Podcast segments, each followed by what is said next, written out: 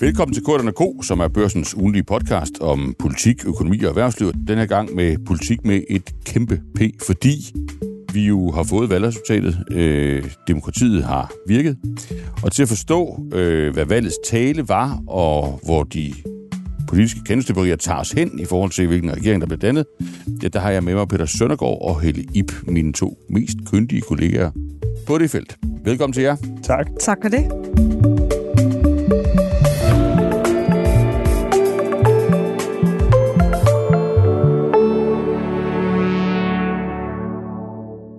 Er I friske, eller er I trætte efter en, en virkelig lang nat, hvor I vil løb rundt for at prøve at forstå, hvad der foregik, og, og samtidig slog i tastaturet for at formidle det? Jeg synes egentlig, jeg er okay frisk. Altså, Du er okay Jeg frisk? tror, jeg, tror, jeg kører lidt på adrenalinen. Ja, okay. Helle Ip, Jeg er lidt træt, det må jeg Ja. ja. indrømme. Jeg Ja, plejer ikke at du har være lidt køligt overblik, Ja. Peter. Så, Jeg plejer ikke at være op til 3-4 om natten, men det var jo også helt exceptionelt spændende, og der var jo lige til det sidste tvivl om, hvordan øh, mandatfordelingen egentlig ville blive. Ja, mest på grund af DR's manglende evne til at regne rigtigt. Lige præcis. Ja. øh, men, men lad os prøve at gå lige på. Øh, valgets tale, Helib.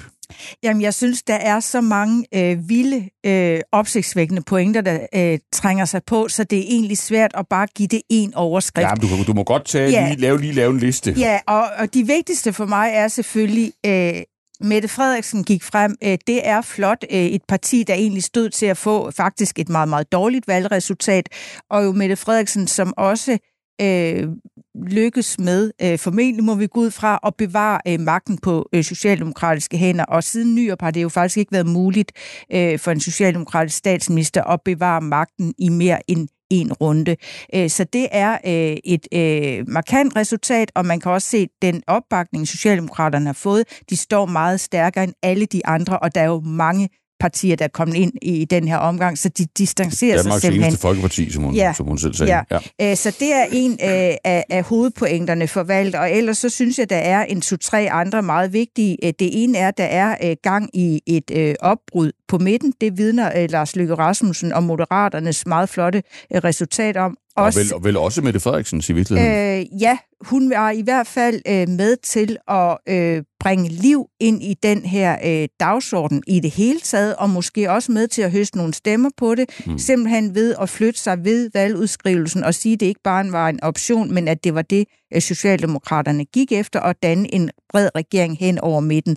Man kan så sige, hvad det her oprør øh, fra midten, øh, eller opbrud på midten angår, der er det jo så også øh, den øh, brutale, nådesløse, paradoxale logik, kan man sige, at et af de partier, som også var med til at tilvejebringe den her forestilling, øh, den her øh, forestilling om, at det er nødvendigt med et bredt regeringssamarbejde nu, nemlig de radikale, som udløste valget, eller i hvert fald, at det skulle afholdes omkring eller senest ved Folketingets åbning, jamen det jo står til en form for kollaps nu. Øh, det var jo det parti, der sagde, nej, øh, Mette Frederiksen kan ikke fortsætte med sin etpartiregering. Øh, Danmark står i så store udfordringer, at der er brug øh, for et bredt samarbejde.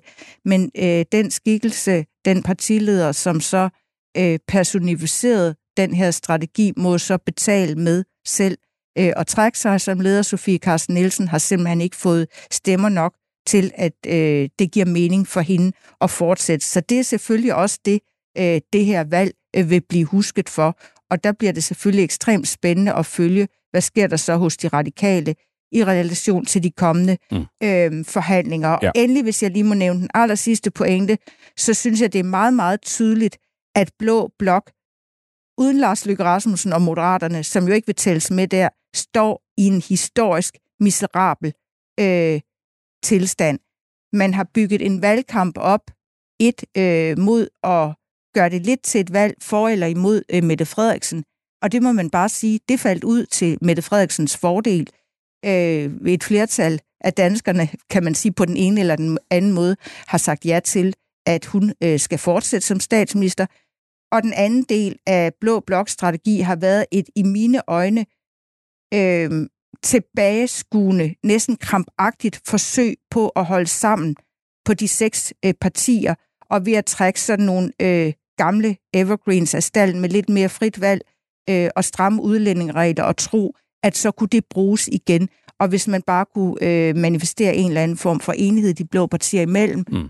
øh, så var der noget, der kunne ja. lykkes. Og det synes jeg simpelthen endte med at være alt, alt for virkelighedsfjernt i forhold til, hvor det er, dynamikken er i øjeblikket i dansk politik. Ja. Og, og det er jo så dramatisk, at vi, vi faktisk var gået i gang med at optage, og så fik vi at vide, at, øh, Sofie Karsten Nielsen formentlig ikke var valgt til, til Folketinget, nok ville gå af som, som radikal leder, så, så tænkte vi, det måtte vi hellere tage os af, og nu er vi faktisk på andet take, Peter Søndergaard, øhm, og det har jo også givet dig tid til at tænke dig endnu mere om, så har du, har du noget, du vil få et tilhælde Ibs liste der om valgets tale, eller har du, har du noget, vi skal have dobbeltklikket på og foldet ud for at forstå, for at forstå det bedre? Altså, jeg ved ikke, hvor meget jeg har nået at tænke, faktisk, siden vi sad her første gang. nej, nej. Fordi nu blev jeg lige optaget af, af Sofie Carsten Nielsen, der mm. trak sig som, uh, som partileder. Mm. Det er jo ikke uh, sikkert, mens vi sidder her og laver den her podcast, at hun ikke bliver valgt ind. Jeg tror faktisk på, at hun bliver valgt ind, mm. men hun trækker sig jo, fordi hun mener, at det mandat, hun eventuelt får, det er for svagt. Ja. Uh, hvis man går ind og kigger på, hvor mange stemmer hun får, så, så ser det ikke sådan særlig prangende ud. Mm. Øh, men i forhold til valgets tale, så er jeg enig i det der med, at, at, at, at der er det her opbrud på midten. Man skal bare lige huske, at den røde blok, som vi kender den, har, selvom den er gået tilbage, så hvis man tæller alternativet med nu, så er der jo sådan set stadigvæk øh, det røde flertal. Man kunne også kalde det for det, det, er, det grønne. Det er med færinger og grønlændinge. Det er, med, og... det er hvis du tager all inclusive. Ja. Øhm, og, og, og man kan kalde det røde flertal, man kan også kalde det grønne flertal. Det er jo de partier, der øh, for eksempel øh, gerne vil øge vores øh, målsætning om at reducere øh, CO2-udledningen med 70 procent i 2030. Der er mm. alle støttepartierne rundt om Socialdemokratiet vil gerne hæve det mål, og i løbet af valgkampen har Mette Frederiksen selv også åbnet for, at målet det kan blive hævet. Det eneste fælles udspil, øh, vi har set fra den røde blok eller den grønne blok, øh, i løbet af valgkampen handlede om, øh, det var et udspil, der handlede om rent øh, drikkevand, øh, så det var også i noget klima- eller miljøspørgsmål, mm. øh, at, det, at det ligesom havde sit omdrejningspunkt. Så der er jo stadigvæk et, et, et klimaflertal, kan man sige, i den røde blok, og så man sige, de blå partier, mange af dem i hvert fald, støtter op om 70%-målet. Mm. Jeg er i hvert fald meget spændt på at se, om, øh, om der kan dannes øh, øh et grundlag, hvor man øh, øger det mål øh, på den anden side. Øh, og så udover det, så, så synes jeg også det her med, at de blå partier, de fik jo faktisk lige præcis den valgkamp, øh, de bad om. Altså en valgkamp om, øh, om lederskab. Øh, den, mm. De tabte den så bare øh, big time. Øh, I starten af valgkampen så man rigtig meget, at øh, de blå partiledere, de kørte jo meget hårdt på Mette Frederiksen og hele øh, Mink-sagen og magtfuldkommenhed og alle de her ting, og det var det, valgkampen den skulle, skulle handle om. Øh, og det gjorde den også i starten, men det døde ud. Øh, det har jo også vist sig ikke at være den rigtig øh, strategi. Jeg tror måske, jeg selv har siddet i de tidligere podcast her og sagt, at det har jeg også en klar erindring om. At, at, at det bør de køre på. Det, det, det, det, er, meget, være, de er, blevet... det er meget hederligt af det, øh, eller ja, præventivt nu tager, nu tager øh, at tage det frem. Ja, ja, ja, ja. Øh, og det gjorde de, øh, og man må bare konstatere, at øh, danskerne er, har, har tilgivet, eller har været ligeglade, øh, eller hvilke ord man nu kan sætte på det, på den her øh, mink-sag. Ja. Øh, jeg så lige, øh, inden vi gik herind, øh, ind på KMD-valg, hvor man kan sidde og følge med ned i de enkelte kredse, mm. hvordan stemmerne fordeler sig. I øh, Nordjylland, i det stemmekreds, der hedder Gjøl, som vist nok er det sted i Danmark, der lå allerflest øh, minkfarme, mm. øh, før de blev lukket. Altså, der, der er der over 30 procent, der har stemt på Socialdemokratiet. Ja. Og Mette Frederiksen øh, slår også Inger Støjberg ret stort øh, i Nordjylland på personlige... Godt, godt 60.000 Ja, lige præcis, ja. på personlige stemmetal. Så i Nordjylland, hvor minkfarmene lå, i Gyld, hvor der lå rigtig mange minkfarme, altså der, der virker det til, at øh, det, er ikke, det er ikke det, der har tippet over til Inger Støjberg, tværtimod. De bakker op om Mette Frederiksen. Så kom vi rundt om, om, om valgets tale, og det kan vi jo dykke tilbage til, men, men skulle vi ikke øh, simpelthen slippe øh, håndbremsen og så, øh, og så springe ombord i, øh, i kandestøberiet, altså i, i spekulationerne om, hvilken regering, der, der nu kan dannes. Det er jo også det, I bruger jeres kræfter på, tror jeg, øh, altså at prøve at, at komme omkring det med, med kilder, der vel ikke er alt for tilgængelige, hvis jeg forstår det rigtigt. Nej, altså i dag, onsdag her, der går de jo frem og tilbage ind på Amalienborg. Mm. Øh, alle partilederne og i partilederdebatten, både i nat og den, der var øh, i Publicistklubben i dag, som er den her, øh, hvad skal man sige, traditionsrige partilederdebat, der altid er dagen efter valget, der er vi jo kommet det lidt nærmere, men ikke super meget nærmere, okay. øh, hvordan det kommer til at forløbe. Der er nogle ting, jeg hæfter mig med. For det første, så, øh, så, så tegner det til, at øh, Mette Frederiksen hun får runde 1, hvilket også giver meget god mening. Ja, hun bliver kongelig undersøger. Hun bliver kongelig undersøger og skal finde ud af, øh, hvordan der kan dannes en regering. Og hun vil også øh, forsøge at danne en regering hen over midten.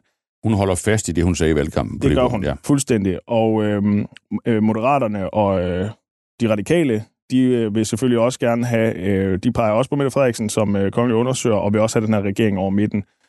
SF og Enhedslisten peger også på Mette Frederiksen, men vil gerne have en centrum-venstre-regering.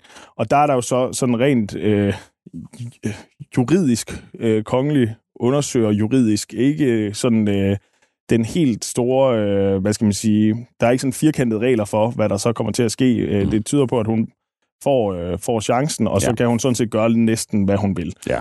Men det ser ud som om, at hun vil forsøge at gå bredt først, og, og, og det, jeg hæftede mig mest ved øh, på baggrund af partilederdebatten hos øh, Publicistklubben her onsdag, det var, at øh, både Jakob Ellemann Jensen og Søren Pape og Alex Vanopslag, og faktisk også til dels øh, Pernille Vermund, øh, de begyndte jo at tale om de her regeringsforhandlinger øh, hen over midten. Øh, så jeg tror, at det vil komme til at få noget, noget liv i noget tid. Jeg vil gætte på en uge eller to, øh, måske mere, det må vi se øh, hvor, hvor der vil blive ført reelle forhandlinger om den her regering hen over midten, altså både med partier fra Rød og Blå Blok. Det kunne være den her, hvor Socialdemokratiet og Venstre og Moderaterne og de radikale for eksempel sidder og taler sig til rette på den ene eller den anden måde. Om det så ender i, at de rent faktisk går i regering med hinanden, det er jeg overhovedet ikke sikker på øh, på nogen måde. Men jeg tror, at det vil have noget, øh, noget øh, dynamik i sig i, i noget tid. Mm. Og Helge, du, ser du samme forløbsspil så ud? Altså, vil, vil, det vil vel så i, i så fald antageligt være med, med Venstre i den yeah. mest fremadlænede øh, rolle, og det var vel også de signaler, man, man hørte faktisk allerede fra Søren Gade og, yeah. øh, og, og for senere Jappe Ellemann på, på valgaften. Ja, Søren Gade, han åbnede i hvert fald diskussionen, også før øh, Jakob Ellemann egentlig havde kommenteret på resultatet ved at sige, at man burde afsøge det. Og jeg tror også godt, hvis man spoler lidt tilbage i historien, at man kan finde øh, markante venstre skikkelser i tidens løb, som har talt for det her. Mm. Øhm, jeg synes også, øh, Jakob Ellemann har formuleret sig sådan lidt mere åbent og imødekommende i dag over for tanken, og i det hele taget også understreget, selvfølgelig kommer man ind og forhandler, og ender det med, at der ikke øh, kommer en øh, bred regering, som inkluderer Venstre, og det er det, jeg øh, nok hælder til som det mest sandsynlige, at vi ikke får øh, sådan en regering, selvom det er det, øh, Mette Frederiksen vil prøve i første omgang, at så vil Venstre og det gælder sådan set også de konservative, og faktisk også øh, netop øh, LA og øh, Alex Vanopslag, som jo selv står med et fantastisk godt resultat, at så vil de faktisk gerne forsøge at komme ind og få indflydelse øh, på den førte politik, og det øh, handler især om øh, den økonomiske politik, arbejdsmarkedsreformer, øh, forsvarsforlig, grøn omstilling osv. Men jeg har en opfattelse af, at øh, hoved tankegangen i Venstres top, det er simpelthen, at man ikke vil ind i et regeringssamarbejde. Man vil ikke ind pludselig at legitimere, at Mette Frederiksen øh, kan fortsætte øh, som statsminister. Mm. Og man er også øh, i tvivl om, ikke bare om der ville komme noget godt ud af det for Venstres vedkommende, men om det overhovedet er en, en smart måde at føre politik på, at, at midterpartierne sådan smelter helt sammen, og så overlader øh, protesterne til yderfløjene. Mm. Så jeg hælder til, at øh, den her selvfølgelig får nogle runder. Men, øh, men ikke mere end det. Men ikke mere end Nej. det. Og heller ikke, selvom vi også oplevede ved Publicistklubben, også Lars Løkke Rasmussen, og det giver jo sig selv, sige til Jacob Ellemann, øh, nu må du altså øh, spille ud eller komme ind i kampen, eller hvad det nu var for nogle vendinger, han brugte. Det er mm. klart, at jo flere, der ligesom presser på for, at den her konstellation øh, kan realiseres, øh, jo bedre er det selvfølgelig øh, for lykkes, hvad mm. skal man sige, retoriske fundament. Men mm. jeg tror ikke, det er der, det ender. Nej. Så kan man ligefrem sige, om, om, om I, I gætter begge to på, at det spil vil udfolde sig. Man kan måske ligefrem sige, at det har, det har både Mette Frederiksen og Jakob Ellemann på sin vis brug for, øh, og, og vise, at de er i stand til at, engagere sig seriøst i, og så har de vel også begge to brug for at forklare, at det er den anden skyld, at det ikke kan lade sig gøre. Lige præcis. Hvis, hvis Jacob Ellemann han bare sagde nej fra starten af, mm. det vil simpelthen være for, for nemt for Mette Frederiksen bare at sige, jamen det er jo så, så kan vi lukke den med det samme. Han er mm. nødt til ligesom at, at, at, at som minimum vise, at han er øh, spilbar, mm. øh, at, at, han, at man kan øh, forhandle øh, med ham. Mm. Og, og øh, det kan jo også godt være, nu må vi se, hvordan regeringsforhandlingerne kommer til at forløbe, om det bliver sådan bag bag lukkede døre, eller op i tårne, som øh, vi har set tidligere, eller om, eller om det bliver sådan mere åbne forhandlinger, som, ja. øh, som vi har set øh, ved andre regeringsdannelser. Hvis det bliver de her mere åbne forhandlinger, hvor, øh, hvor partilederne går øh, ind og ud af en eller anden dør, hvor journalisterne kan stå ude foran, jamen så kan der jo godt komme, noget, sådan, komme sådan nogle substantielle krav på bordet, mm. øh, reformkrav, øh, altså på arbejdsudbud og på skat og på alle mulige andre ting. Og der har Ellemann jo muligheden for at stå og sige, at det er det her, jeg vil have, mm. hvis jeg skal gå med i en regering med mm. dig, Mette Frederiksen. Du har også selv sagt, at vi skal, ingen kan få det hele, og vi skal bøje os mod hinanden, og det er her, jeg stiller kravene. Øh, og, og, og der må Mette Frederiksen jo så øh, afvise det, eller godtage det. Og hvis hun øh, afviser det, så kan Jakob Ellemann jo så sige, at hun er jo ikke til noget. Mm. Hun vil, mener ikke reelt, at vi skal have en regering over midten. Hun synes, at det skal være øh, på den socialdemokratiske måde, og det takker jeg selvfølgelig nej mm. tak mm. til. Og, men, og hvis vi lige tager matematikken, altså man vil kunne danne, hvis man også var villig til det, en, øh, den her øh, nærmest ikoniske konstellation, hvor, hvor, hvor både, altså for de to store partier, Socialdemokratiet og Venstre, sammen med Moderaterne, kan tælle til 90. Ja, det er en af, hvad skal man sige, tre øh, hovedspor, hvor der vil være et flertal og så mm. er der jo så, så to andre. Ja, lad os tage de to kan... andre, lige, ja. fordi, fordi nu, nu tror vi så på jer, og, og, og vi har jo på en eller anden måde... Og hvis jeg, jeg bare, undskyld, hvis jeg bare lige må få ja. tilføje til det, og det er jo vel og mærket uden de radikale mandater. Altså det S, de radikale S, M og V, de har øh, 89 mandater, og så er der jo så de nordatlantiske, ja. man skal tælle med, ja. så de kan danne flertal alene. Men det er klart, at hvis der kommer den der brede regering mellem de tre, mm. S, M og V, Øh, så vil de radikale jo selvfølgelig enten være med i den, eller støtte op om den, og så er det faktisk robust. en ret robust regering. Ja, ja, ja, så er den ja. ikke så vakkelvogn, som nogle af de andre konstellationer, vi skal tale om nu, Nej. de vil være.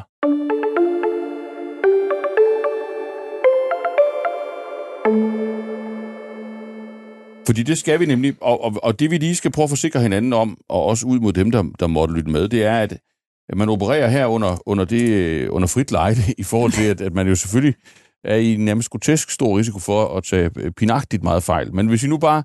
Det er kun interessant, hvis man lige våger et øje. Så nu, nu stoler vi på jer to og siger, at vi får et forløb omkring den store, brede regering, kan man måske kalde den, men vi får også et forløb, der ender relativt forudsigeligt øh, uden resultat. Yes. Så zoomer man ind, og hvad er det så for nogle optioner, der står tilbage? Jamen, de to hovedoptioner, det er jo øh, at operere med det rene røde flertal. Og det er det, det ene. Ja, og, og det vil sige øh, en S-ledet regering, som har et eller flere partier med fra det, man betragter som rød blok, og som så bakkes op af resten af rød blok. Ja. Og det kunne man sige, øh, hvis det havde været for få år siden, så ville det være øh, det mest øh, naturlige eller logiske, man, at man endte der. Men nu er valgets tale øh, jo lige præcis noget andet. Et øh, oprør for midten. Ja, ja, og at Mette Frederiksen selvfølgelig også er forpligtet af selv at prøve noget bredere, og at de radikale, uanset at vi har at gøre med et svækket parti, øh, jo også har understreget under hele valgkampen, og da stemmerne var talt op, at man peger altså ikke bare på en S-solo-regering igen. Og så er spørgsmålet så selvfølgelig, jamen kan det så for eksempel blive en S SFR-regering. Øh, det vil øh, dele af venstrefløjen øh, formentlig synes øh, var nok den bedste option, især hvis øh, de radikale ikke fik for meget indflydelse i den økonomiske politik, mm. og man i øvrigt lavede ting meget i blokkene. Men det er heller ikke sikkert, øh, det ender på den måde. Og den tredje øh, option, som vi så også øh, kan zoome meget mere ind på, fordi det er egentlig den, jeg synes er mest interessant i øjeblikket, både øh, når man tager øh, udsagnene for gode varer, altså hvad der er blevet sagt op til valget, hvad det er for nogle udfordringer, øh, land befinder sig i, øh, de meldinger, der er kommet, og hvad der rent faktisk kan lade sig gøre, hvor man kan få et eller andet form øh, for operationelt øh, flertal. Og det er jo øh, den her midterkonstellation, øh, en regering for eksempel bestående af Socialdemokraterne, øh, Moderaterne og de radikale. Ja. Hvis de tre øh, partier gik sammen i en regering, så ville det være nødvendigt, at øh, SF øh, var øh, støtteparti, eller i hvert fald undlod øh, at forhindre sådan en regering i at blive dannet. Men øh, man kunne faktisk godt gøre det, øh, som mandaterne er faldet ud, uden at tælle Alternativet og Enhedslisten Man vil med. kunne tælle til 90 ved Ja. at få SF til at Acceptere. enten aktivt eller passivt Ja, acceptere. sådan kan man øh, godt formulere det. Og, og det, der jo bliver helt ekstremt interessant, det er, øh, når man så dykker ned i den her øh, sidste, eller den her øh, Ja. midtermodel. Fordi der er der jo alt muligt andet end politik, der også Ja, står lad os lige komme tilbage til det. Ja. Fordi vi skal lige teste, øh, nu, nu du tegnet brættet op her lige. Altså, er det også den trekant, du kører rundt i analytisk, Peter Søndergaard? Altså S, SVM som en form for forspil, og, og, og, og, og derefter frem og tilbage mellem SMR og SSFR. Ja, det er de, øh, det er de muligheder, der Det er også dit analytiske ja, bræt. og der, der hvor, hvor SMV eller SVM-regeringen med radikal støtte, eller med de radikale med i regeringen, Mm. hvor den er robust, Ja. så er det så ikke tilfældet i de to andre det er to skrøbelige, det er to ekstremt altså skrøbelige, matematisk. meget matematisk ja. øh, skrøbelige konstellationer, fordi ja. at som øh, man kunne se på valgnatten tirsdag, så fik de røde partier, altså det rene røde flertal, jo lige præcis de 87 mandater, de skal bruge sammen med tre nordatlantiske mandater for at få de 90 mandater. Mm. Og Alternativet og Enhedslisten, altså de partier, som Lars Lykke definerer som øh, yderfløjen, øh, de har 16 mandater, og det samme har Moderaterne. Mm. Så det vil sige, at man kan skifte, altså man kan ligesom sætte Moderaterne ind og tage Alternativet og Enhedslisten ud, eller omvendt. Mm. Øh, og det giver så lige præcis de 90 mandater. Øh, og bare lige for at få hovedet til at eksplodere endnu mere, ja. så, øh, så nu står vi jo så i en situation, hvor de radikale øh, står til at skulle vælge ny øh, politisk leder. Mm. Vi ved ikke øh, endnu, hvad udfaldet øh, bliver af det. Et Mm. bud kunne være, at Martin Lidegaard bliver øh, politisk leder. Er der folk, jeg ved det ikke, nu siger jeg bare, hvad der kan komme til at ske. Er der folk i den radikale gruppe, der vil være øh, utilfredse med den leder, der bliver valgt, hvad Mm. enten det nu bliver Martin Lidegaard eller en anden? Øh, er der nogen, der kan finde på at sp- springe ud af partiet? Mm. Mm. Øh, ved sidste, I sidste valgperiode så vi jo helt ekstremt mange øh, partihopper og folk, der øh, hvad hedder det, blev øh, altså bare uden for gruppe. Der skal bare være et enkelt mandat, uanset om vi har det her moderat røde øh, flertal øh, eller det rene røde flertal. Øh, så skal der bare være et mandat, der hopper ud af det. Så falder så, så så, sammen. så falder det hele fra ja. hinanden. Ja.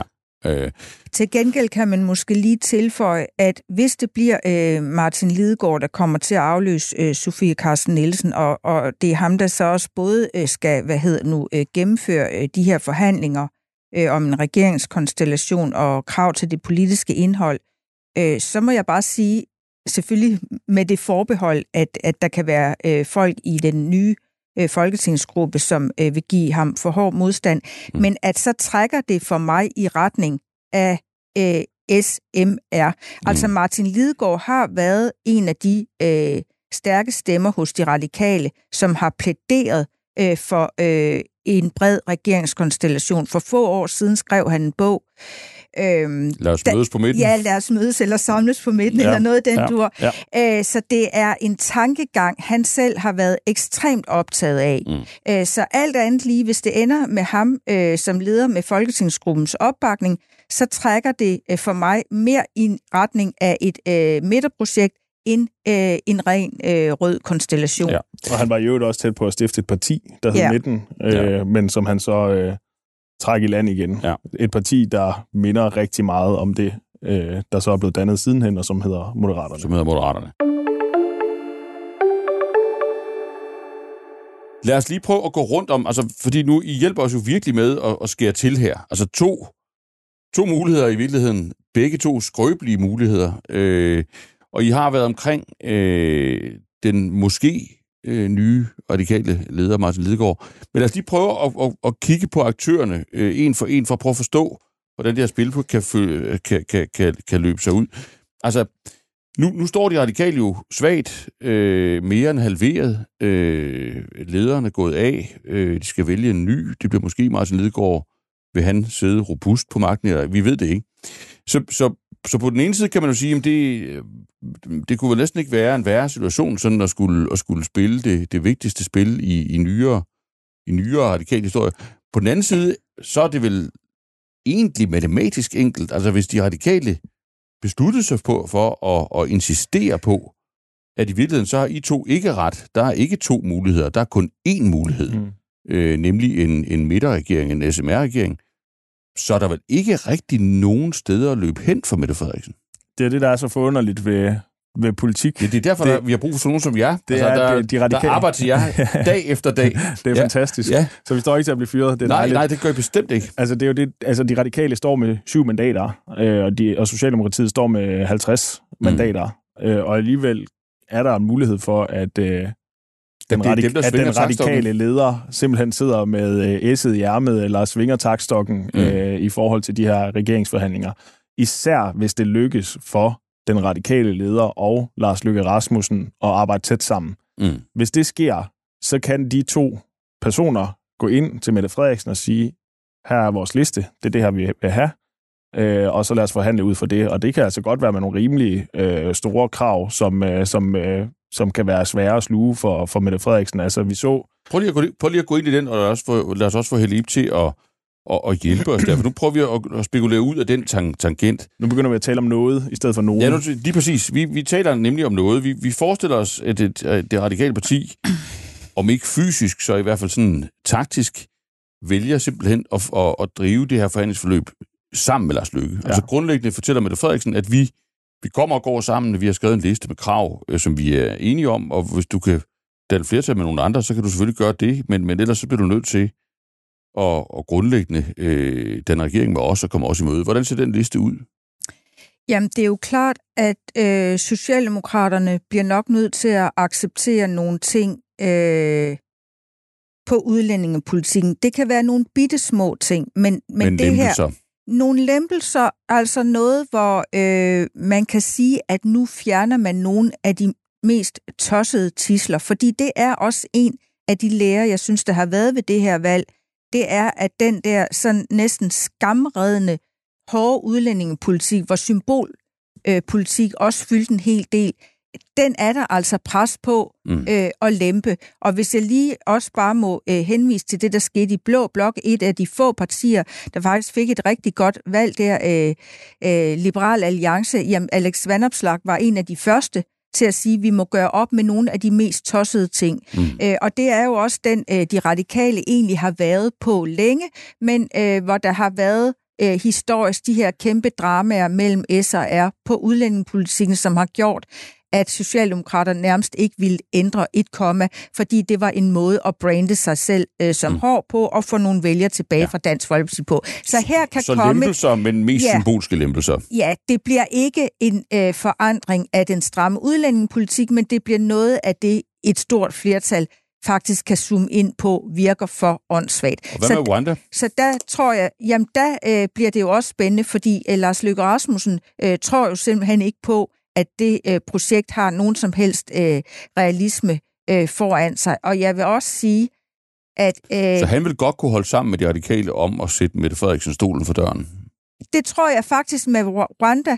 Mm. Øh, jeg tror ikke, at det bliver en, en dealbreaker på den måde, at så kommer, øh, hvad hedder det nu, en, en regeringskonstellation til at stå øh, og falde med, øh, hvordan, man, øh, hvordan man håndterer det mm. issue. Det har egentlig før været ekstremt øh, brandvarmt, også fordi andre øh, mulige støttepartier til en Mette Frederiksen-regering ville trække tæppet, enten når man gik i gang med at arbejde eller realiserede sådan mm. en plan.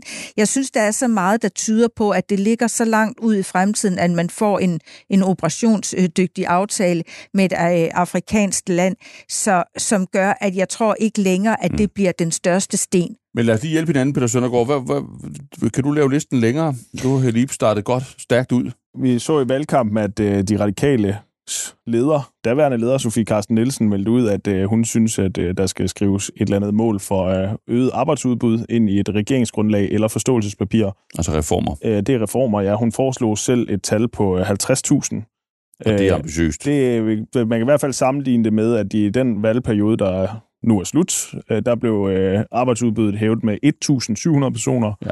Og i den forrige valgperiode, hvor Lars Løkke var statsminister, der var det 4.100, tror jeg det var. Ja. Øh, så det er sådan 10-20 gange mere, end ja, vi er. Det, det er noget mere, kan ja. man godt sige. 50.000 øh, svarer lige præcis til det tal, som øh, Dansk Industri har spillet ud med i mm. deres, eller har foreslået i deres øh, øh, plan for, hvad den kommende regering skal, skal levere. Det er også 50.000 i arbejdsudbud. Mm. Så er der øh, ikke, øh, i hvert fald de radikales plan, lavet øh, præcise, øh, hvad skal man sige, øh, sat, sat punkter på, hvor, hvor de 50.000 præcis skal findes henne. Der skulle findes 18.000 øh, ved at fjerne efterlønnen. Det er der overhovedet ikke øh, politisk opbakning til. Og så 5.500 på, på nogle skattereformer. Mm. Så det er sådan lige knap halvvejs i mål, og så sådan nogle øh, mere potentiale-agtige reformer, som ikke øh, rigtig tæller med over i Finansministeriet. Ja.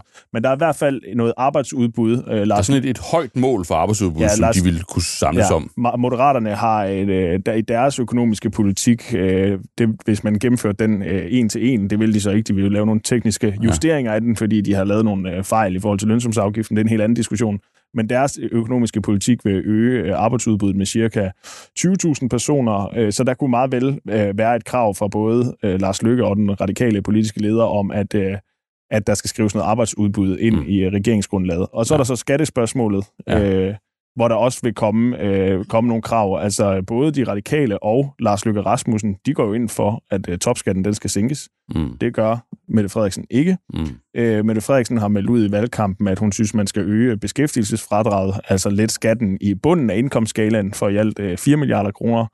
Det, øh, det tror jeg rimelig hurtigt, at de kunne blive enige om, at det vil de gerne være med til, øh, Moderaterne og, og de radikale. Øh, men jeg tror også, de to partier, de vil sige, at vi skal også have noget øh, højere op øh, på, på indkomstskalaen, altså et eller andet på topskat. Og topskattegrænsen vel mere konkret? Ja, det vil i hvert fald være det mest oplagte sted at sætte ind øh, og øge topskattegrænsen. Mm. Og hvis jeg bare lige må tilføje, bare lige hoppe tilbage til øh, det her, de tre ting, vi nævner her, udlændinge, arbejdsudbudsreformer og skat, er jo også tre meget gode grunde til, at øh, den blå blok skal holde sig ude af det her, fordi de vil jo sidde og meske sig big time over, at Mette Frederiksen potentielt er nødt til at gå med på nogle af de her ting. Fordi hvis hun går med til at løsne op i udlændingepolitikken, så ved vi, at der er nogle partier ude på øh, højrefløjen, altså i form af Danmarksdemokraterne, Nye Borgerlige og øh, Dansk Folkeparti, som jo vil øh, ryge lige i totterne på Mette Frederiksen især, mm. øh, og sige, at øh, nu øh, vælter det hårderne ind med mm. udlændinge, og det er fuldstændig forfærdeligt det hele. Øh, og det er jo netop den flanke, hun har brugt overvis på at lukke af, mm. for at stoppe det dræn af men, vælgere. Men, men stop, stop, fordi vi kommer tilbage til hende. Okay, det er øh, vi, nu gør vi lige listen færdig, Hellig. Du får sidste chance for lige at sætte flere punkter på. Er der, er der mere, hvor man Jamen. nemt, nemt vil kunne sige, at vi, altså, vi har nærmest skrevet et udkast til et nyt regeringsgrundlag, som vi lægger foran Mette Frederiksen?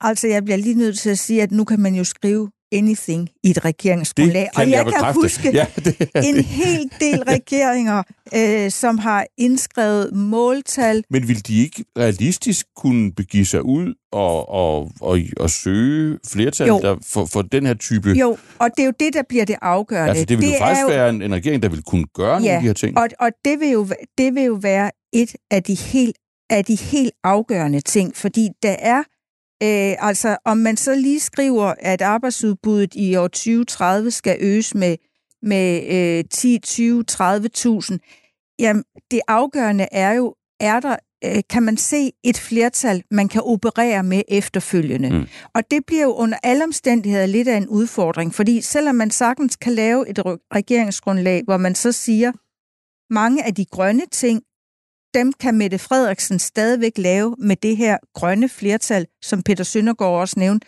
der fortsat er intakt. På velfærdsområdet, øh, reform af sundhedsvæsenet osv., der tror jeg også sagtens, man kan lave nogle brede ting, som ikke vil øh, hisse yderfløjene øh, for meget op.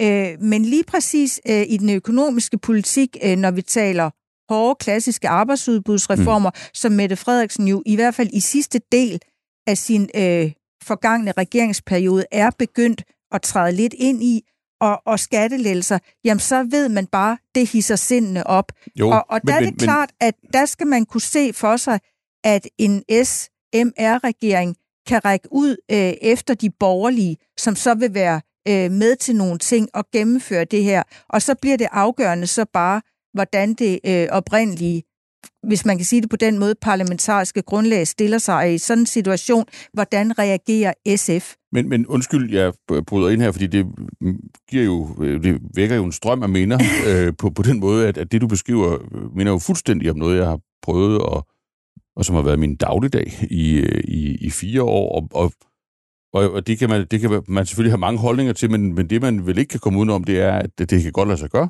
Ja. Altså, hvis, hvis, altså forudsætning for, at man faktisk kan øh, drive sådan en regering, føre sådan en politik, indgå den type forlig, er jo for så vidt alene, at Socialdemokratiet er i stand til at holde det ud, øh, om man så må sige. Og det, øh, øh, altså, og det var man jo, øh, det var man på min vagt.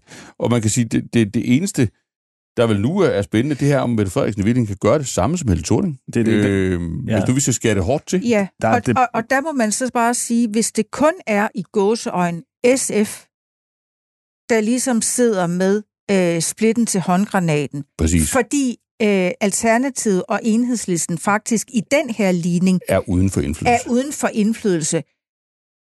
Øh, så vil jeg sige, så bliver det måske endda lidt lettere Ja, fordi hvis vi nu lige, gang, hvis vi nu øh, lige, du sad i Finansministeriet. Ja, det, kan da være, det vil da være dejligt for den, der måtte komme til at sidde der. Men, men hvis nu vi lige prøver at gå rundt om scenariet, ikke? for nu har I bygget det meget effektfuldt op, øh, så kan vi vel spørge os selv, altså Lars Løkke, vil han lege med? Men der er så lige en sidste ting, Nå, okay, vi er nødt til at være ind. Ja, det er jo Lykkes øh, egne krav der, og et af dem var så også, og det har han ja, gentaget det, for nyligt, det er det ultimative, at der skal gennemføres en advokatvurdering men, i Men så, kommer vi, så kan vi tage det på min ja. måde. Altså, vil han lege med? Øh, og, og du nævner en, en komplikation.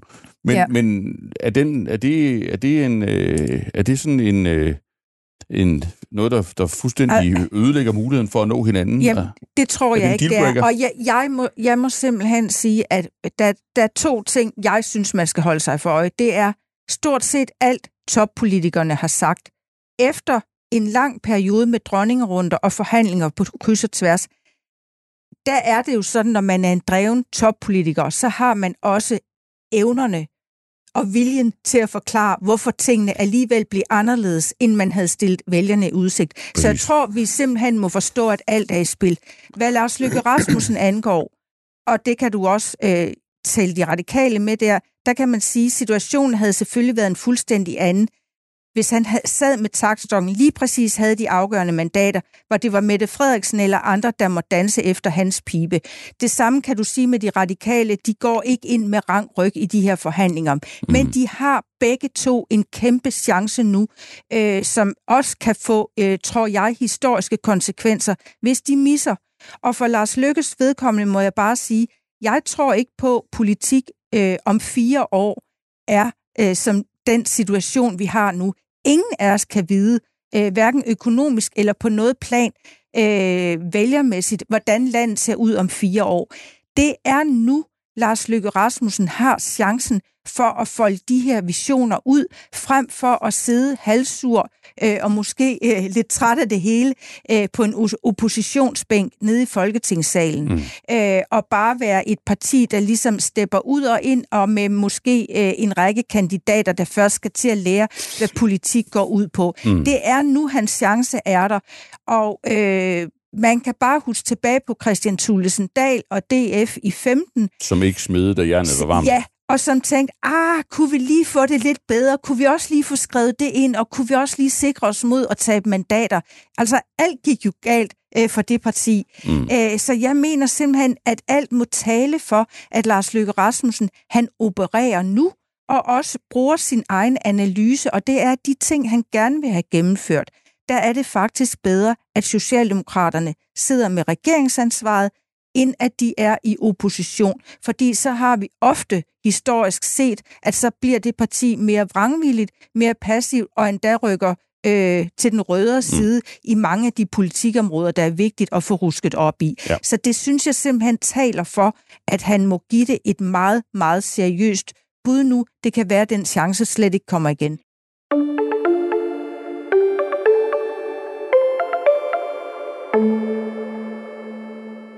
Peter Søndergaard, hvad så med, med, for nu går vi rundt om det, hvad så med Mette Frederiksen? Nu har vi, I har jo på glimrende, sprogligt, livlig vis, i betragtning af, hvor kort tid I har sovet, beskrevet, hvad er det så for en, øh, altså hvad er det for en rytmik, der vil øh, også, være det for en substans, der vil, der vil være sådan dominerende, hvis det er det udfald, vi, vi får. Hvad vil være hendes vurdering? Altså, øh, tager hun chancen at gå ombord, øh, eller, eller vil hun vige tilbage? Fordi der jo også er risici, som jeg selv beskriver. Og, og har hun egentlig et valg, hvis, det, hvis, det, hvis, det, det, øh, hvis, hvis de radikale og, og Lykke evner at, at holde sammen, stå fast, blive siddende? Det er lige præcis det, der er, der er det helt afgørende, om hun overhovedet har et valg. Altså, hvis, hvis ikke det, altså hvis moderaterne og de radikale øh, står side om side og ikke øh, øh, rokker sig fra hinanden, jamen, så har hun jo ikke øh, nogen alternativer at gå til, fordi så kan hun ikke tælle til 90, til 90 og så er hun nødt til at gå over midten, og der vil Jacob Ellemann bare stå og sige nej tak, mm. medmindre du gør mig til statsminister, Mette ja, Frederiksen. Og det, og det kommer kan vi nok ikke, godt det, udelukke. Det kommer ikke til at ske. Så, øh, så, så hvis, hvis Mette Frederiksen vil have noget... Øh, agilitet, eller hvad man skal kalde det, ja, så kræver det, at hun får slået en eller anden kile ned imellem de radikale og øh, moderaterne, sådan at de så radikale... hun kan få hævet de radikale ja, så, med hjem ja. i, i, i sådan det røde. Præcis. Ja. Og det er så det helt store spørgsmål er, om hun rent faktisk vil det. Øh, mm. Øh, og det øh, synes jeg er meget, meget svært øh, at svare øh, klart på. Altså om hun, om hun faktisk helst vil have den der øh, lidt mere højredrejet regering med Moderaterne, eller om hun vil heller, helst have den der lidt mere venstredrejet regering med øh, SF, mm. i begge tilfælde i øvrigt, hvor de radikale er med. Mm. Øhm, det, det, det, må, det må tiden vise, og regeringsforhandlingerne vise, men hun mm. har, udover det, har hun jo bare ikke noget alternativt. Og hvis jeg bare lige må tilføje til den der SMR-regering, der skal vi jo altså bare lige huske på, at det kræver jo så, at SF ikke vælter regeringen. Ja, lad os lige komme ind til dem, fordi lad os lige gøre Mette Frederiksen færdig. Ja. Kan man forestille sig et scenarie, hvor hun, hvor hun har lyttet til vores podcast, øh, og er, det kan man sagtens er kommet sig. I, i tanke om, at, det, at det, det ene er svært, og det er det andet sådan set også?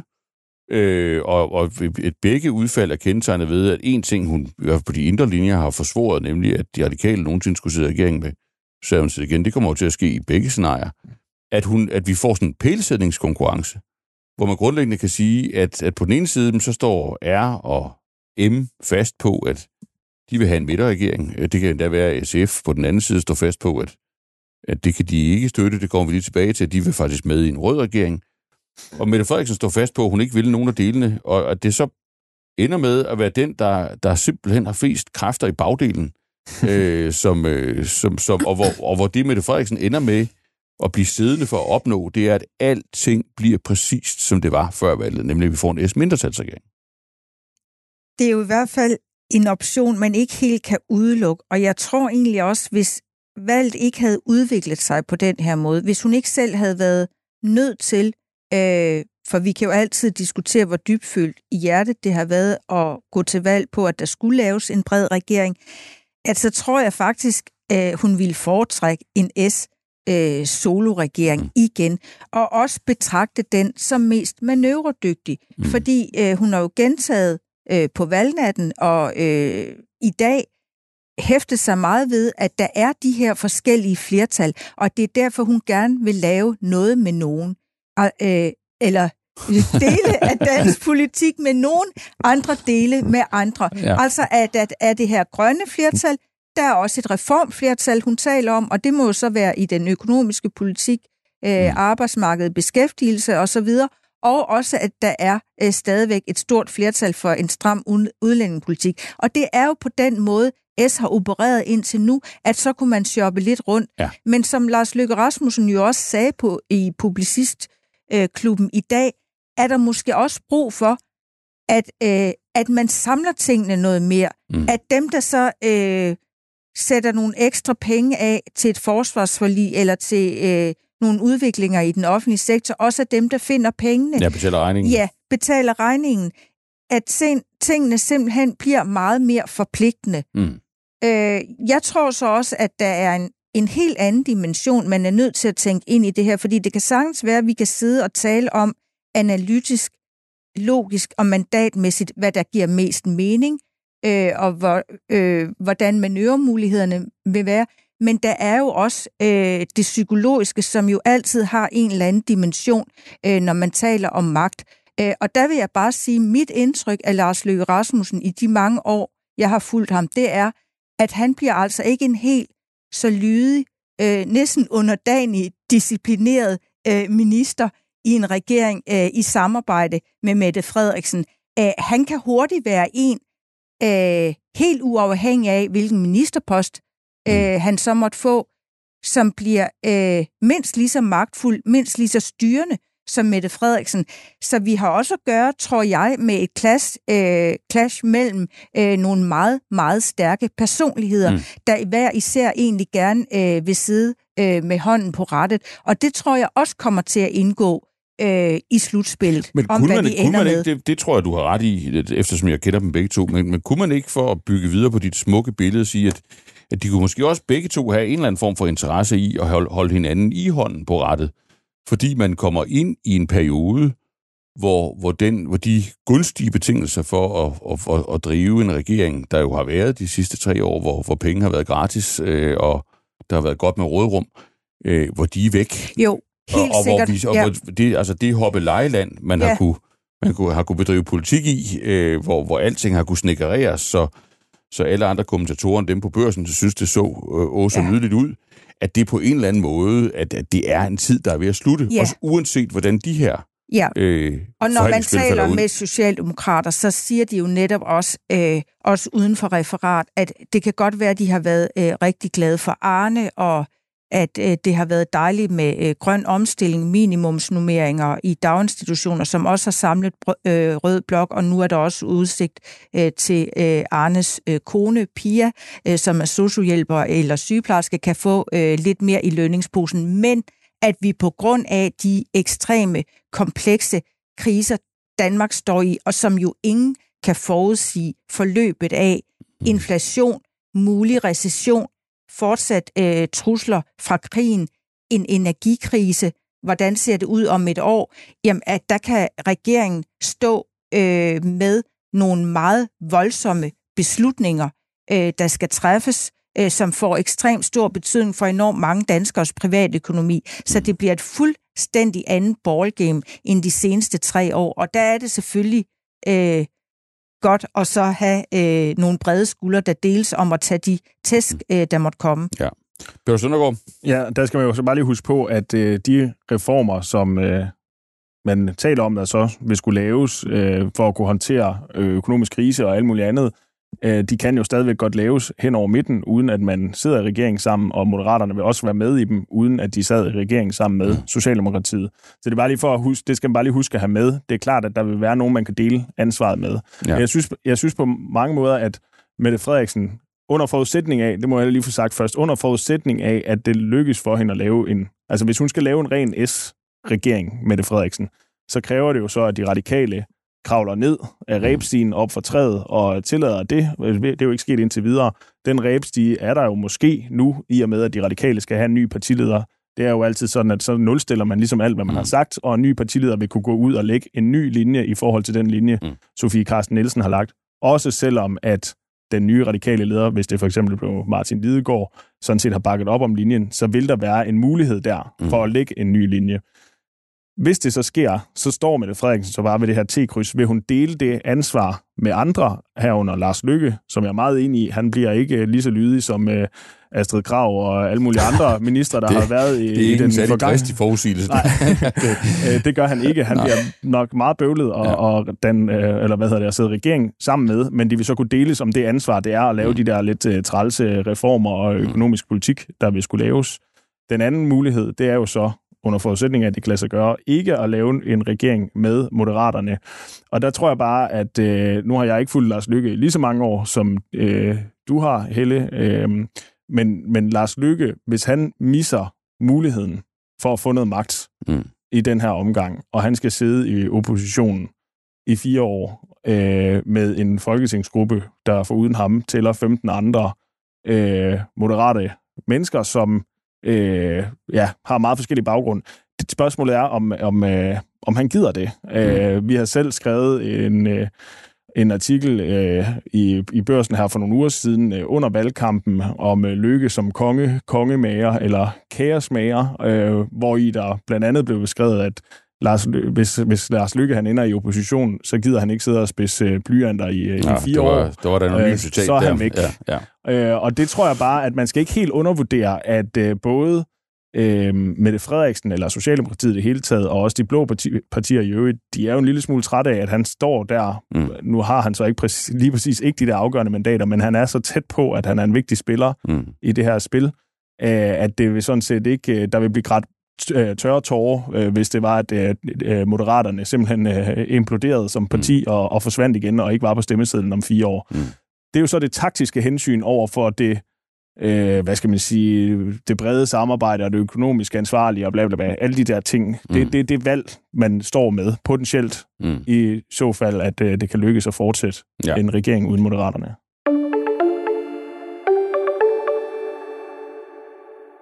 Lad os runde af. Rosinen i pølsen, SF. Kan de leve med det? SF Altså har... SMR. Ja. SF... Og, den, og den lange næse i forhold til, til selv at have drømt ja. om måske at komme til at sidde i en regering. Det er rigtigt.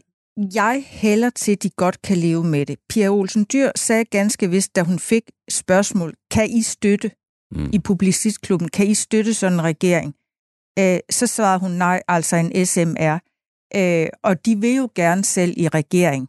Kan man have dem med? Men det tror jeg ikke. Jeg tror, ja. den regering vil blive forlåst. Ja. Og jeg tror også, at øh, det korrekte spørgsmål er sådan set ikke, om SF vil støtte. Det er mere, om SF vil forhindre ja. en sådan regeringsdannelse. Fordi vi har negativ parlamentarisme ja. i Danmark. Og jeg tror også, øh, når man ser på SF, at ja, de har regeringsambitioner. De er glade for øh, at have stået godt øh, i målingerne, selvom de jo er blevet indimellem forhåndet øh, som støtteparti, har været for meget bare om øh, øh, et, et S-lillesøsterparti, øh, lidt for lojalt, øh, lidt for velvilligt, så står de jo alligevel øh, stærkt på, og dog er kommet igennem med nogle indrømmelser, har fået sat nogle aftryk for noget, der er vigtigt for partiet. Men SF er jo også godt klar over, jævnfører vores diskussion om, hvad kan der egentlig vente forude, mm. at, at en ny regering, øh, uanset partifarve, kommer øh, formentlig til at træffe nogle meget, meget hårde beslutninger. Og hvis SF først internt skal acceptere i en regeringskonstellation, at man nærmest får kappet det ene ben af. Øh, Som i sin tid ville Søvndal. Ja, for, for at partierne så kan blive internt enige. Dernæst, så skal man så ud og forhandle, formentlig til blå side, øh, og så kommer det bare til at gøre endnu mere ondt. Altså, det er vejen til at tabe øh, den opbakning, øh, og det solide arbejde, jeg synes, man må anerkende øh, Pia Olsen Dyr øh, har, har, har gjort, siden SF jo nærmest øh, lå i ruiner, øh, efter øh, Ville Søvndal og Annette Wilhelmsen, øh, og alt, alt det interne dramatik, alle de blodstyrtninger, øh, der skete i forbindelse med og efter regeringsdeltagelsen. Mm. Og i, i, i, med det for øje, så tror jeg faktisk ikke, at, at det er så enkelt, at man bare skal sige, at SF vil i regering, så tror jeg faktisk også, at det parti godt kunne se en interesse ja. i at være det eneste afgørende støtteparti. Som skal have indrømmelser. Som selvfølgelig skal have indrømmelser på de steder, hvor det betyder ja. noget for SF. Og det kan være grøn omstilling og miljø. Det kan bestemt også være øh, børn, daginstitutioner, øh, udvalgte områder på velfærdssamfundet, hvor man bare skal huske på, at der, der er Lars Løkke Rasmussen altså ikke en eller anden øh, hulemand i forklædning. Han mm. er øh, altså en, en elsker af velfærdssamfundet. Han vil bare gerne øh, sørge for, at det fornyer sig og bliver strikket sammen øh, på en mere moderne måde, så der kan leveres god velfærd også i fremtiden. Så øh, det er slet ikke sikkert, at det er så dårligt øh, for SF at ende med, hvis det er det, der sker, at være i en position øh, som et afgørende øh, støtteparti. Godt. Jeg synes, øh, det er en, en kraftpræstation uden lige, at jeg to... Øh, må jeg tilføje noget? Ja, det bare må lige, du godt. Det er bare lige til ja, ja, ja. det spørgsmål. Undskyld, at jeg ja, ja, nej, nej, nej. afbryder din afslutning. Nej, nej, nej, det er godt. Øh, det var bare i forhold til det der med, at Pia Olsen Dyr i Publicistklubben sagde, at øh, hun ikke kunne støtte en SRM-regering. Øh, det irriterede også mig, at hun ikke blev spurgt om hun aktivt vil vælte den. Ja. Øh, så vi har selvfølgelig haft en kollega over foran øh, som ville have stillet det spørgsmål. Marienborg i dag, ja. som så fik stillet det spørgsmål ja. til øh, Pia Olsen Dyr, og det svarer hun øh, udenom på. Øh, det og det synes jeg er jo ret interessant, at hun meget klart afviser. Det tror jeg, man har noteret sig inde på øh, Amalienborg, fordi ja. der, der skal man jo tælle sammen ja, øh, i forhold til, om om, om der er 90 mandater, så hun øh, som kan vil ikke, Hun kan ikke støtte regeringen, mm. en uh, SMR-regering, men uh, hun svarer ikke klart på, om hun øh, vil aktivt øh, vælte den. Mm. Og det, det, er jo så, øh, det er jo så det, der er, er en mulighed for, at det kan blive en øh, realitet. Netop, at hun så kommer til at fungere som det eneste støtteparti, uden så at være decideret støtteparti måske. Mm og så kunne få øh, nogle indrømmelser i et øh, forståelsespapir, så kunne hun jo godt blive inviteret inden for de forhandlinger øh, og få lov til at tikke nogle, ja. øh, nogle, øh, nogle solide bokser af for, øh, for SF. Og, og det vil man... være grønt, det vil være på velfærd, trivsel ja, og så videre. Ja, præcis. Og ja. man skal også huske på, at altså, SF har jo altså også fået et, et rigtig flot, øh, flot valg øh, med, med en pæn fremgang. Øh, modsat er det gået for, for enhedslisten, som går en lille smule tilbage, øh, og, øh, og man, SF er jo blevet næsten øh, drillet eller mobbet med, at de er Socialdemokratiet plus minus 5 procent. Mm. Man må bare konstatere, at øh, vælgerne, de kan altså godt lide det. Mm. Øh, og de kan godt lide den pragmatiske linje, som SF øh, de har og har lagt. Øh, og det vil så også være pragmatisk, øh, hvis det her øh, endte med at være en realitet, at de så sagde, jamen, øh, det er ikke vores øh, favorit, men øh, vi får en masse indrømmelser. Øh, ja, og, og, vi kan og det kan vi godt kun holde med. til at sidde i en skåneregering, om ja, man så må sige. og ja. Enhedslisten Alternativet, de har valgt en anden strategi, men de har så heller ikke fået indflydelse på, hvilken politik, der bliver ført. Mm. Glimrende. Øh, meget vigtig øh, afrunding, og i endnu højere grad, synes jeg, samlet set en kraftpræstation fra, fra jer to. Jeg tænker, at den her podcast øh, vil man jo kunne bruge som et, et, et meget velegnet lydspor øh, til de mange dronningrunder, majestæten skal være vært for, formentlig i de, i de kommende uger. Øh, I hvert fald har I hjulpet os med at forstå øh, noget, som er dybt kompliceret, men hvor der jo alligevel er mulighed for i virkeligheden at drage nogle relativt skarpe konklusioner, synes jeg, på, hvad I, hvad I tror, der kan komme til at ske. Tusind tak, Helle Peter Søndergaard. Selv tak. tak.